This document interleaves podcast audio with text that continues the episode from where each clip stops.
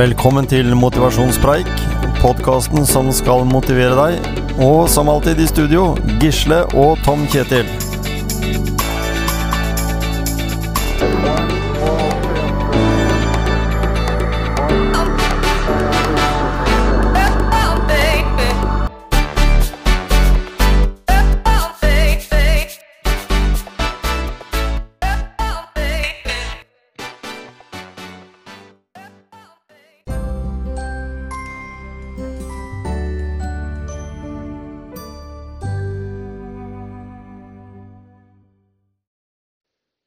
Etter å ha snakket med Anette Aasland eh, en episode i forrige fredag, hadde vi veldig lyst til å følge opp videre dette med pust. Så dette blir en del to. Og i denne delen så snakker vi med Benedicte Adrian, som har eh, lang fartstid på scenen og som artist, men også de senere år som eh, en trener for sangtalenter og for andre som har lyst til å utvikle stemmen, og ikke minst det å lære mer om pust. Bruk av pusten. Så Gisle og Tom Kjetil måtte bare følge opp dette temaet, fordi temaet er jo selve livet. Det er jo det viktigste for oss. Så her er del to med Benedicte Adrian og Gisle og Tom Kjetil i studio.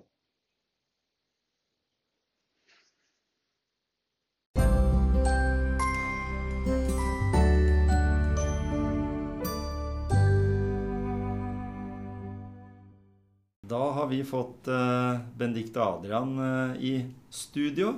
Hei, hei. Ja. Hei, hei. Velkommen til uh, motivasjonspreik. Takk. Tusen takk for jeg får komme, og gratulerer med alle følgerne. Jo, takk for det. Og ja. dere har laget veldig mange programmer, må jeg si. Dere er veldig produktive. Å ja. Så, så det er stas å få være hos dere, det må jeg si. Supert. ja, for vi har jo snakka om det tidligere, og det var jammen på tide, tenker jeg da. Men nå var det liksom kommet fram til at nå nærmer vi oss liksom våren, og en får jo liksom lyst til å stå og synge litt ut sammen med fuglene. Ja. ja vi har jo samarbeidet litt, du og jeg, om konserter. Ja, ikke sant? Eh, men jeg også, ved siden av konsertering, så har jeg jo noen eh, sangelever. Ja. Og med disse koronatider så har det jo blitt mindre konserter og litt mer eh, elev eller coaching på nett. da. Mm.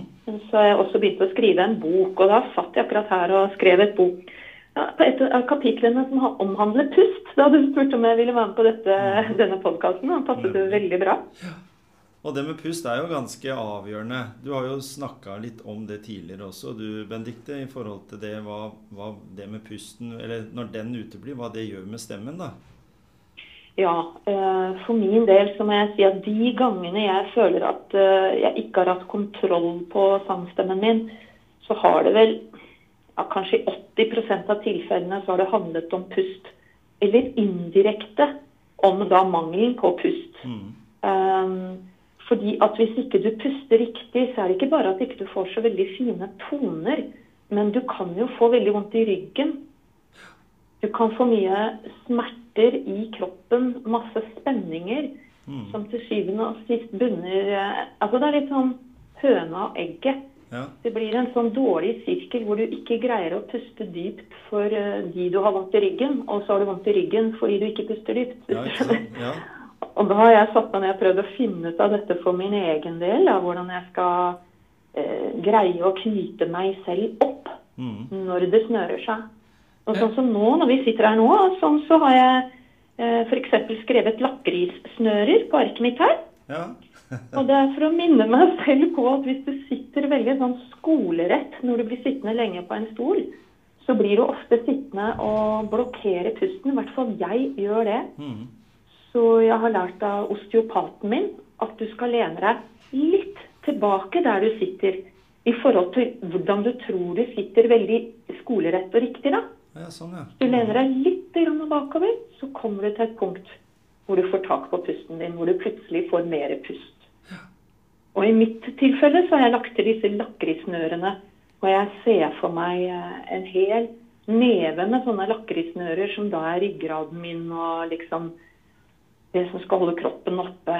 Som. Det er om å gjøre liksom ikke slåss mot naturen, ikke oppleve seg selv som stiv. For det er jo det du blir når du blir redd. Så blir du mm. stiv av skrekk. Så hvis jeg kjenner at jeg begynner å binde meg, og det går utover pusten, og etterpå da også stemmen, gjerne pratstemmen, men også sangstemmen, så ser jeg for meg at, er, at jeg har alle de vaierne liksom, gjennom ryggraden. At jeg egentlig er laget av gummi, på en måte, eller av lakris. Mm. Og da kjenner jeg da slipper pusten. Og sånn er det jeg driver og, og, jobber også med elever og med meg selv, og prøver å finne en eller annen løsning på seg selv, for å si det sånn. da. Ja. For du har jo vondt når du ikke puster eh, riktig, og ikke puster effektivt og ikke puster avslappa. Mm. Og, det, og det gjelder jo også innen toppidretten, hvis en tenker sånn. fordi det, det, viser seg jo at uh, å puste riktig der vi, vi, vi, vi, har hatt et eksempel tidligere om uh, syklister i Tour de France f.eks. Du har jo har jo bodd noen år i Frankrike, så du har sikkert mm. fått følelsen av at Tour de France betyr noe, i hvert fall i sykkelverdenen. Oh, ja. Oh, ja. ja, ikke sant? Og da har vi liksom sett at disse karene som for så vidt er tynne, de henger jo med skikkelig magen som en belg når de sykler oppover bakker og sånn. Og det er jo rett og slett for at de skal puste dypt og puste for å få mest mulig oksygen. da. Eh, ja. Så det er viktig. Og det er jo all forfengeligheten vår i hverdagen i dag som gjør at vi helst skal ja. ha flate mager, da. ja, den kjenner jeg igjen. Den satt, for jeg gikk jo med holdt i magen de første 30 årene av mitt liv, tror jeg. Ja, ja. det var, og det var det, det var det, jeg tenkte litt eh, Jeg satt her og tenkte på og jeg skulle eh, spørre deg om i forhold til det med pust. da, og mm, Karrieren din har jo vært lang, og jeg tenkte liksom Når, når ble du oppmerksom på at uh, du kunne gjøre noe med pusten. da, At det, at det ble bevisst for deg. Eller om det har vært det hele tida. Men nå sa du jo akkurat at uh, du på en måte har pusta i lange tider uh, litt langt oppe. da, Så, så er det ja. først, først, de siste ja. åra, da kanskje. Ja, det, det, er gjerne sånn at det må gjøre veldig vondt før du skjønner det. Eller mm. kanskje jeg har litt tregt for det. For selv om vi har gjort pusteøvelser med sanglærer og alt mulig sånn, så er det noe litt annet enn å være ordentlig bevisst på det mm. gjennom eh, hele dagen sin. Gjennom privatlivet, gjennom alle de timene du faktisk ikke øver sang. Mm.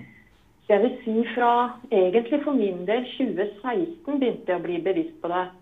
Ja. Og de to siste årene har jeg jobbet veldig hardt med det, rett og slett fordi at uh, det er så mange automatismer som slår inn. Og jeg er jo kvinne og har evne til å bekymre meg for det meste. Mm. Og da setter det seg i eh, kroppen, altså. Ja. Så jeg gikk til eh, Ja, for to år siden så gikk jeg til Jan Sødal. 80 år gammel var han da. Og så ville jeg gjerne jobbe med han, for jeg hørte at han jobbet mye med kroppen mm. i forhold til sang. Og så viser det seg at han hjalp Tønseth med pustetrøbbel etter at Didrik Tønseth fikk eh, prolaps under VM i Val di Flemme. Ja. ja. I 2013. Eh, og da, etter det så slet han med å puste ordentlig. Mm. Og da fant han løsningen problemet, på problemet ved å ta sangtimer hos Jan Sødal. Ja. Og da lærte jeg hvordan jeg skulle slenge med armene, hvor innpusten skulle komme.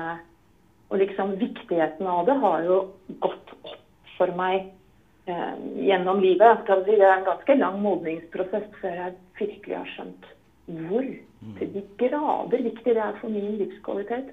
Antageligvis ikke bare min, men alle. Ja, ikke sant? Ja. Og, du, og, og, tenker du da at uh, hadde jeg bare visst Altså hvis ja. tenker sånn, For nå har du hatt en, en ja. lang karriere med, med, altså Kanskje innenfor de seinere åra mer der stemmen din jeg har vel egentlig alltid vært i fokus, men da har du spesielt kommet i fokus. Men eh, på 80-tallet så var dere jo på en måte stjerner, eh, du og, og, Ingrid. Og dere eh, hadde på en måte en tid da altså norsk musikk var veldig populært. Det var jo det. Det var jo andre grupper også. Jo, ja, vi hadde jo også en lang periode hvor jeg hadde 'Nattens dronnings arie' på mitt eh, eh vanlige repertoar. Ja, Hverdagsrepertoaret, på en måte. Og det var jo som å gjøre ekstremsport til hverdagskost, liksom. Ja. Eh, men da var jeg også så ung at eh, hvis jeg gikk på en smell, så kunne jeg sove det bort over en natt. Eller Men jeg gikk på noen sånne runder hvor jeg ikke fikk lov til å snakke på 14 dager. Ja. Eh, jeg ble veldig god i kroppsspråk og skrive lapper og sånn. Men det gjør noe med selvtilliten din. Og så lenge jeg var så ung, så kunne jeg ta en løpetur for å varme opp pusten. Og jeg hadde jo jeg hadde veldig talent for å synge. Mm. Og jeg hadde veldig store ambisjoner, og mye gikk på vilje. Og så kom jeg litt sånn uti midt i 30-årene omtrentlig, er det liksom det skjer at det, da går det ikke lenger på bare talent og vilje. Altså. Da må du begynne å gjøre ting riktig. Ja, og i min alder, og jeg er liksom mellom 55 og 60 her, nå går det på nå må du være klok. Nå er jeg nødt til å være klok, ellers må jeg bare la være. Ja. Men da tenker jeg åh, hvis jeg bare hadde jeg visst det, hvis jeg bare hadde skjønt disse tingene ordentlig før. Ja, For nå, nå har du mye lavere skuldre enn det du hadde den gangen? Ja, helt ja. klart. Ikke sant? Mm. Men det er veldig fint at dere setter fokus på det, og kanskje hjelper til litt å få dette temaet til å hva skal vi kalle det, litt mer sexy eller litt mer morsomt. Eller litt mm. mer Få flere til å være litt mer nysgjerrig på det. For det er jo den ene tingen vi klarer oss kortest tid uten før vi dør. Ja. Mm. Og, så er det jo sånn, folk er så lite interesserte. Ja. Og så er det jo sånn at uh, gjennom livet så skjer det jo det er mange faser. da, og som du sier, i starten så, så var det lettere å komme over ting. Og, og hvis en skal sånn sammenligne artistkarriere med toppidrett, da, så toppidretten varer en viss, viss tid, da, altså naturlig å avslutte. da, mens i artistverden så er det jo naturlig å holde på i et helt livsløp. Så, ja. så, og det er jo igjen med det daglige livet, liksom å, å ta de der eh, variasjonene i, ja, motgang og bekymringer og alt. Og, og så mm. på veien gjøre de små, rette tinga, da, som mm. f.eks. med pust. da. Men, men når, du, når, du, har da sangtimer da med, med eh, elever, eh, mm. så har du Sånn som jeg har forstått, så har du veldig sånn spredt spekter av personer som er med på, eller som, som er med på timene dine. Ja, det kan man trygt si. Ja, det er gøy. men, men er det sånn at eh, at de på en måte Eller føler du da som en, en uh, trener til en f.eks. da en toppidrettsutøver da, Føler du at du mm. er med på å påvirke på samme måten der? At det du har på en måte erfart, det nå skal jeg søren meg lære de uh, hva jeg ikke gjorde, eller hva, hva ja. jeg på en måte har gjort riktig. da, Er det sånn? At ja. du bruker mye mm. egen erfaring i den opplæringa du gjør? For det er jo kanskje noe mm. av det viktigste.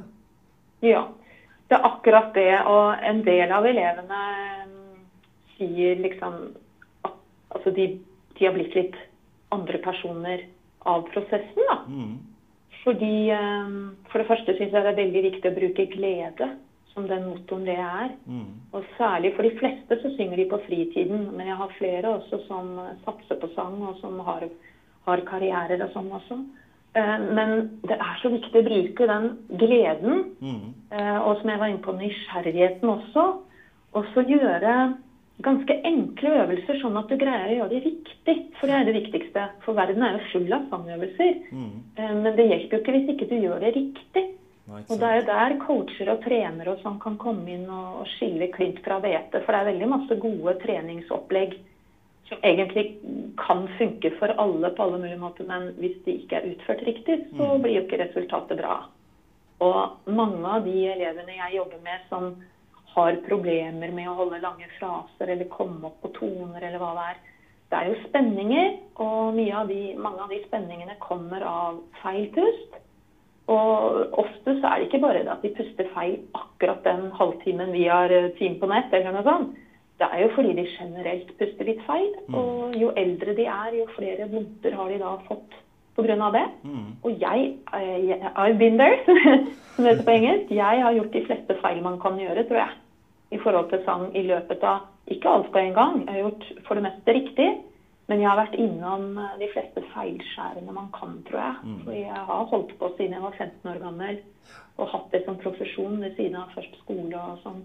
Og så har jeg født barn og sant, de hormonelle svingningene som kommer da. Også muskelkontroll.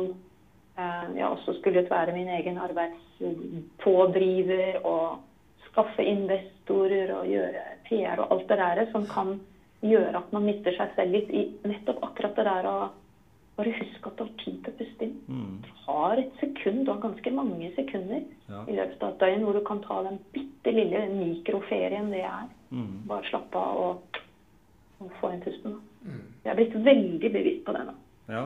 Men jeg tenker Når du snakker om teknikk, da Jeg er jo opptatt av teknikk i, i det meste sånne utførelser jeg skal gjøre, da. Og, Mm. og så tenker jeg For å ta ut ditt potensial i sang, så, er, så har du jo nettopp sagt det at teknikk er veldig viktig.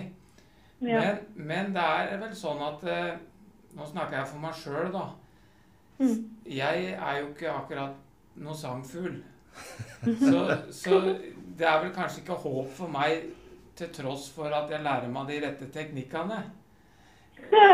Du skal få en prøvetime. Ja, ikke sant? Men, Ja. men så tenker jeg liksom Hvis jeg har glede av å synge, da, og så kanskje ikke er så god til å synge den i gåseøyne, så kan jeg jo være mosjonistsanger. Altså jeg tenker på i kor eller Altså jeg tenker at det, man må ikke være veldig god eller best for å, Ja. å ha glede av å synge. Det er det jeg var opptatt av. Mm. Mm, ja, absolutt. I et kor så kan du også puste korisk, som det heter. Så alle kan puste nesten når de vil, bare det ikke altfor mange puster inn samtidig Mm. på feil sted i strofen. Men det er jo akkurat det eh, Da jeg gikk til Jan Sødal, så skjønte jeg også det at å puste riktig er ikke mer vanskelig enn å puste feil. Det er lettere å puste riktig enn å puste feil. Men det er bare at du må stole på naturen din. Mm. Og så sa han at når du skal forske mer på dette, Benedikt, så må du gå til anatomien. Som han sa hele veien, så finner du svarene i anatomien. Fordi at det, du kan jo puste. Du puster jo når du sover. Det er bare at når du er våken, så, er det, så kommer ambisjoner i veien. Og så kommer ting du engster deg for, kommer i veien. Eh, Kanskje du også er litt sjenert. At du på en måte eh, dimmer lyset ditt fordi andre står rundt deg. Det kommer så veldig mange andre rare ting inn fordi du er litt bevisst på hvordan du virker på omgivelsene eller på andre mennesker eller sånne ting. Så hvis du da kan klare å finne tilbake til den automatiske og riktige pusten som er der, Mm. det der å unngå å dra opp skuldrene når du puster inn, f.eks. Uh, mange ganger så er det når du har fokus på noe helt annet, at du puster riktig. Mm. Så hvis du- tar noen sånne tungebrekkere, det kan dere øve dere litt på. Mm. Hvis du sier eh, Ibsens vitsbærbusker og andre buskvekster, Ja. da får du øvd tunga di, sånn at den blir litt slankere og finere og jobber litt bedre. Det er også faktisk en viktig ting når vi synger. ja. Ibsens hvis ripsbusker og andre ja. buskevekster. Hvis du sier det ti ganger veldig, veldig, veldig fort, Ja, så vil du komme til å måtte puste inn innimellom der. Ja. Og hvis du ikke tenker på hvordan du puster inn da, så kommer du antageligvis til å gjøre det mye riktigere og bedre. Mm. Og nettopp fordi du har fokuset på noe annet, så kan du klare å få tak på den automatiske måten å gjøre det på. Nemlig. Det, det var egentlig litt artig når du sier akkurat det, fordi jeg hadde laga meg en ny musikkliste på ørene ute og sykler, og da henta jeg opp en sånn 80-tallslåt som heter 'Holiday' eller noe sånt. Det var en sånn rappelåt som var populær i 82 eller noe sånt. Og da har jeg liksom forsøkt, og da, gikk, da spola jeg helt tilbake til når jeg var liksom unggutt på den tida der hadde kjøpt singelen av den når vi hadde hyggekveldene på Gjemseskolen på, på onsdagene, tror jeg. Eh, I hvert fall så var det jeg og en til som hadde med spilling av platene der. Og da husker jeg vi øvde rett og slett på oss å snakke så fort, for det var jo ingen som hadde gjort det. Ingen hadde rappa den gangen. Det var liksom noen som begynte, og dette var en av de første låtene, og da snakka de engelsk fort. Og det hadde jeg jo ikke sjans til. Så, Mm. så jeg, tenkte at det, Men det har jo som du sier med, med at du kanskje fikk rytmen da gjennom å, gjennom å puste og sånt, men jeg var vel allerede den gangen kanskje klar over at det, det er andre ting jeg skal drive med enn akkurat sang. Ja, men det er Men, veldig eh, fin trening å Ja, prøve å rappe. For du må gjøre mye riktig for å få det til å gå kjapt nok. Ja. Så det er flott trening, og du merker jo at dere får magemuskler av det, Mm. faktisk. Mm. Det kan, dere, det kan dere trene på. Kan ikke dere gjøre det? Lage et sånn der eh, treningsopplegg og så fortelle meg om noen uker hvordan det går. ja. Jo, kanskje det. Ja, Og så kan vi få det noen inputs, så får vi noen inputs av deg om vi, hva vi bør fokusere på. da. For det er jo viktig det Ja. for, en, for en trener og en Mhm. coach, at en fokuserer på de rette tinga. Ja. Mm. Ja, det er akkurat det, for du må ikke gjøre for mye. Nei. Det er det vi stort sett gjør når vi gjør det feil, så gjør vi for mye. Du må prøve å slappe av, sånn at bare det som skal jobbe, jobber. Mhm. At det, og det merker man jo hvis man greier å være avspent. Så Mm. får man mye energi av det. Nemlig. Mens når du er for spent, så lekker all energien ut. Mm. Og da føler du deg veldig trøtt av å ikke gjøre noen ting når du har stått der stiv som en pinne og vært livredd. Mm. Mens når du greier å slappe av og go with the flow, som de sier på engelsk, da, finn flyten. Mm. Finn flyten i rappen. Det er bedre faktisk å bevege stemmeleiet litt opp og ned. Et eller annet sånt, istedenfor helt sånn Når det blir helt sånn eh, Så at det skal være automatisk, er ikke det samme som at det skal være statisk. Det er nesten heller motsatt. Men dere kan jo kjenne på det selv, for dere vil kjenne etter hvor det butter.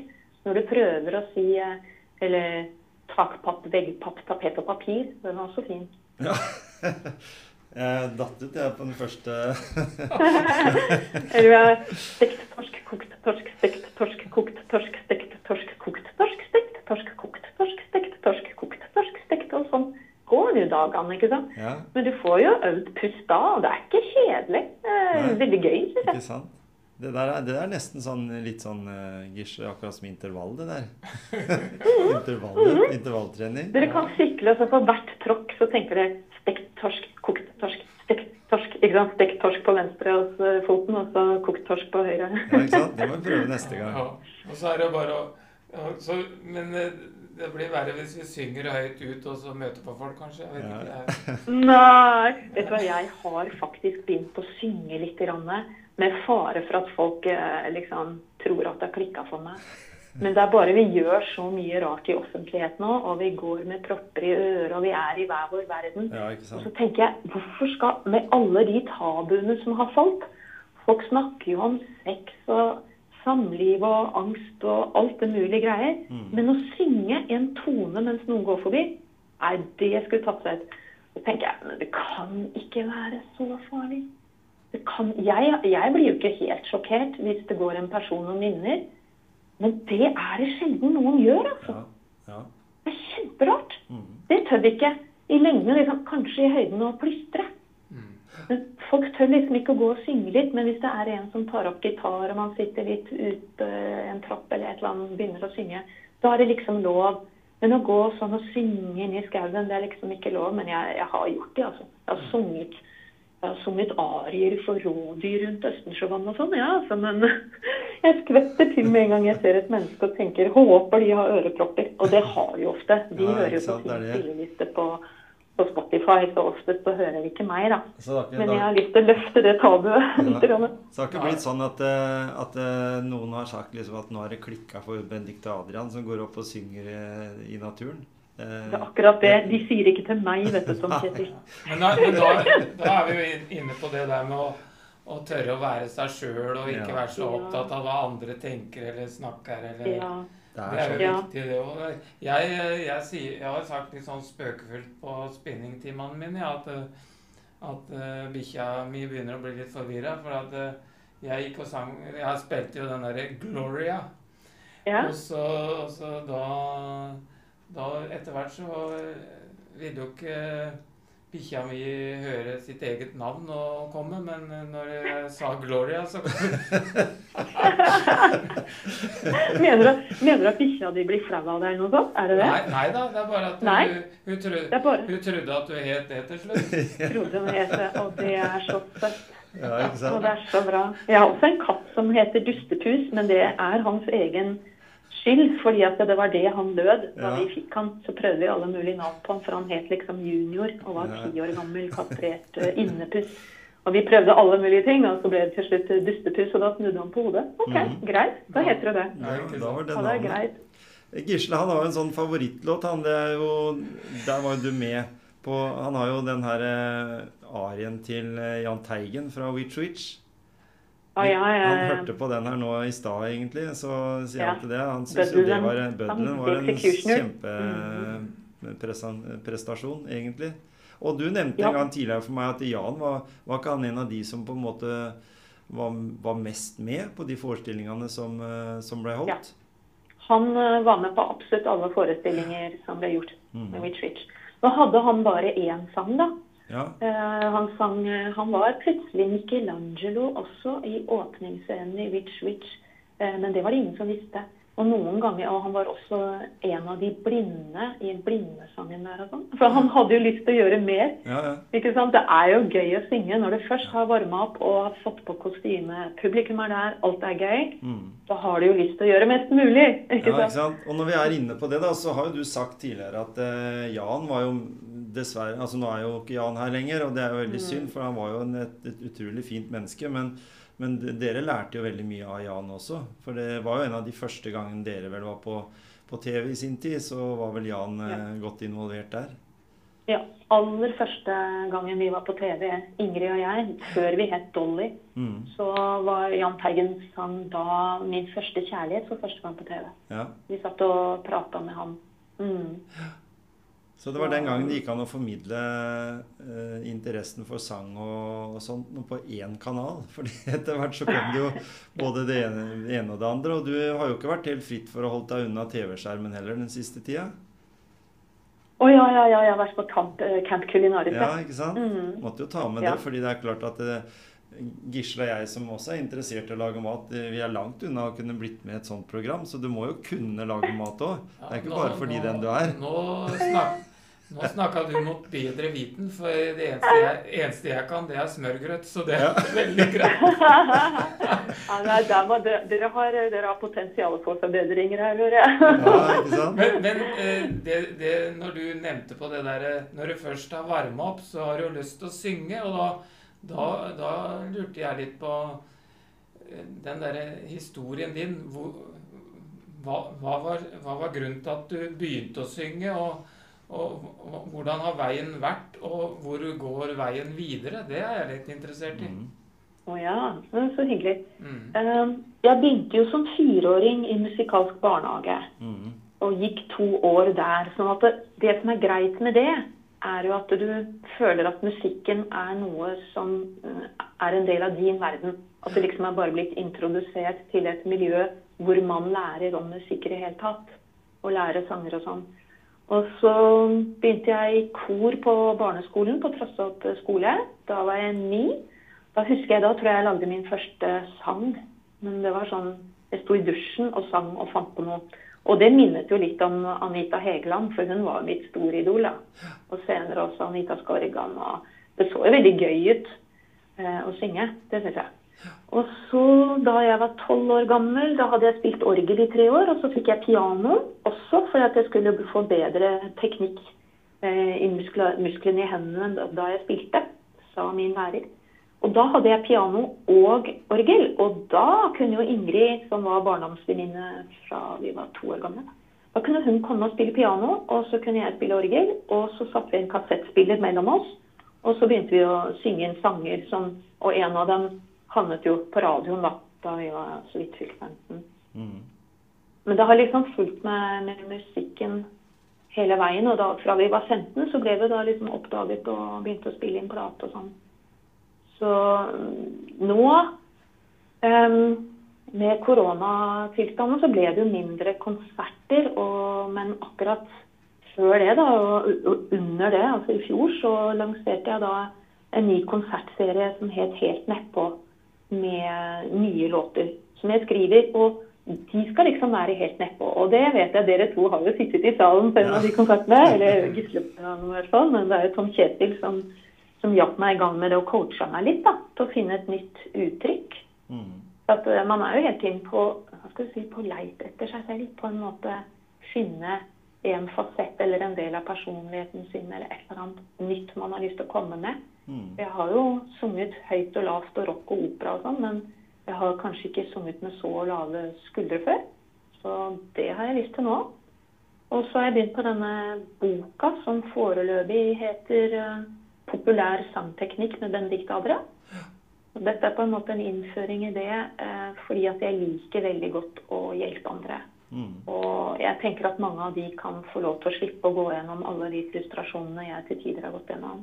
Jeg vet at det er veldig mange sangere, sangere som sliter. Mm. Både proffe og amatører. Det er mye noen syns det er prestisjetap å gå og ta sangtimer. Så kanskje de ville lese en sånn bok i smug. Andre har kanskje lyst til å være med på Idol eller The Voice og lure litt på liksom, hvordan forbereder man seg, og litt hvordan det er å, å leve som profesjonell mm. artist Mm. Og det vi kom inn på pusten er veldig viktig, det er det vi skulle snakke om vesentlig i dag. Men jeg må jo si maten er også veldig viktig, og det vet jo dere også som holder på med mye trening. At det er jo ikke, det er jo ikke bare hvordan du puster og trener, men det har veldig mye å si hva du spiser. Og derfor har jeg også blitt veldig interessert fra de årene jeg har bodd i Frankrike, så jeg har blitt veldig interessert i mat. Mm. Eh, og så tenker jeg at det, eh, det kan jo like godt smake godt, da. ja, ikke sant. Det er mulig å få det. Ja, da har du jo opptur tre-fire ganger i døgnet. Kan du jo ha fett. Altså opptur, eh, ikke sant. For det, det kan være langt mellom oppturene i et liv, men du har mulighet for tre-fire oppturer hvert døgn hvis du, hvis du liksom jobber litt for det. I hvert fall så er jeg blitt veldig pasjonert matspiser, da. Mm. Og lager. Ja, så bra. Så veien videre, det blir vel å coache en del, og så komme ut på veien igjen og gjøre disse konsertene, om vi kaller det helt nedpå eller hva vi gjør. Så jeg skal også spilt inn et album på dette. Mm. Men det er bare at alt tar jo litt tid, og denne gangen har jeg bestemt meg for at jeg har tid. Ja. Istedenfor å si jeg skulle ha gjort det i går. Så er jeg bare innstilt på at jeg skal lage noe som er veldig bra. Så prosessen er litt uh, langsom, og det tror jeg kommer til å være glad for etterpå. Det, det tror jeg òg. Og i tillegg så vet jo vi da at da kommer vi helt sikkert til å ha en prat med deg den dagen boka ligger rykende varm på bordet vårt her. Veldig hyggelig. For det er et arbeidsverktøy for eh, mennesker som, som, på en måte Som du sier, da, med, med sang og de elementene rundt det. Men, men, akkurat de anbefalingene du kom med der, og, og det, det, er jo ganske så godt uh, gjennomtygd. da. For sånn som jeg kjenner deg, så er det jo ikke du noe som gjør noe halvveis. Når du først gjør noe. Jeg liker å gjøre det grundig, og jeg gleder meg selv til jeg har den boka. For jeg, har, jeg vet hvilken side jeg skal slå på, og den skal ligge åpen for meg så jeg ser den hver dag. Fordi ja. det er noen ting jeg trenger å minne meg selv på. Ja? Altså, akkurat nå er jeg også i fordyping på dette her med nesepusting. Og det vet jeg ikke om dere har tenkt på, men det kan jeg gi dere som en liten sånn siste oppgave her på tampen. Mm. Prøv å gjøre en hel treningsøkt bare med nesepusting. Ja. Og det, og det, har vi faktisk Og det var veldig bra du sa, fordi Gisle han har prøvd det i dag. Han har prøvd, Nei, han har prøvd Ja, fordi eh, vi snakka litt med, med hun Anette om også det, og da kom, mm. slang hun inn akkurat det du sa der, om hvor viktig det var. Eh, han mm. greide det ikke. jeg, jeg, jeg, må trene mer på det, men, ja. men, eh, det er interessant å prøve. Mm. Og mm. da, vi snakka noe også i forhold til eh, å puste med nese og, og det å bli smitta av korona og sånn også. Så mm. Det er noe kjemi og noe ja. greier der òg. At det fungerer Nesa som en medisin, ja. forsto jeg. Ja, Nesa vår fungerer bedre enn munnbind på mange måter. Hvis vi bare er mm. bevisst på det å lukke munnen og puste med nesa.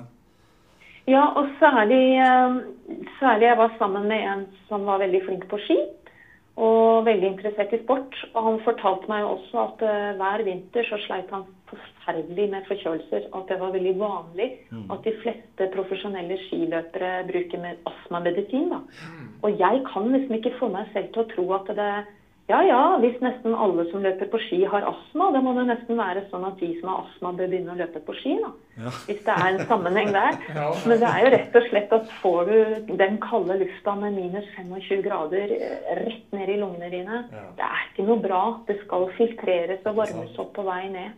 Og hvis du da greier å trene sånn at pustemuskulaturen din ikke blir for slapp og ikke faller sammen mm. Det er det som skjer når folk også får søvnapne snorker mye og alt dette her. Det er så dårlig livskvalitet, for du sover så dårlig. Mm. Alt dette her også henger da sammen med pusten. Og for meg så henger det sammen med et eh, lykkelig liv som sanger. Og det har jo jeg helst lyst til å ha hele resten av livet. Mm. Og det ønsker jeg flest mulig å ha.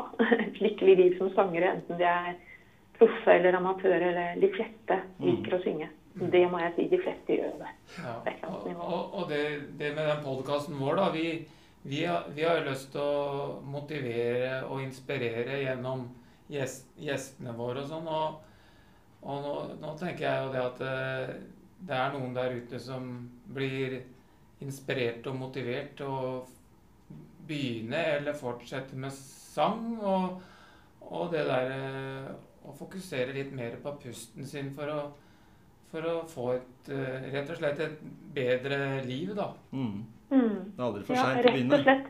Hvis vi har sagt ett ord som har fanget en eller annen person til å begynne å puste litt bedre, Mm. så har vi gjort noe bra i dag. Det har vi gjort. ja. Og det var veldig hyggelig, Benedicte. Nå blei den uh, avtalte tiden vi hadde, nå blei den til mye, mye, mye mer. Men sånn er det alltid i hyggelig selskap.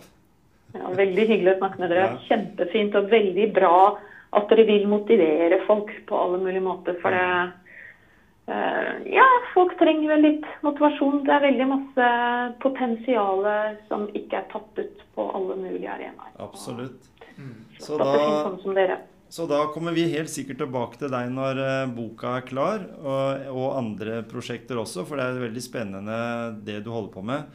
Eh, vi sier takk så langt. Ja, Så får du ha en eh, fantastisk fin dag videre. Takk for praten. Ja. Ja. Ha det godt. Ha det. Hei.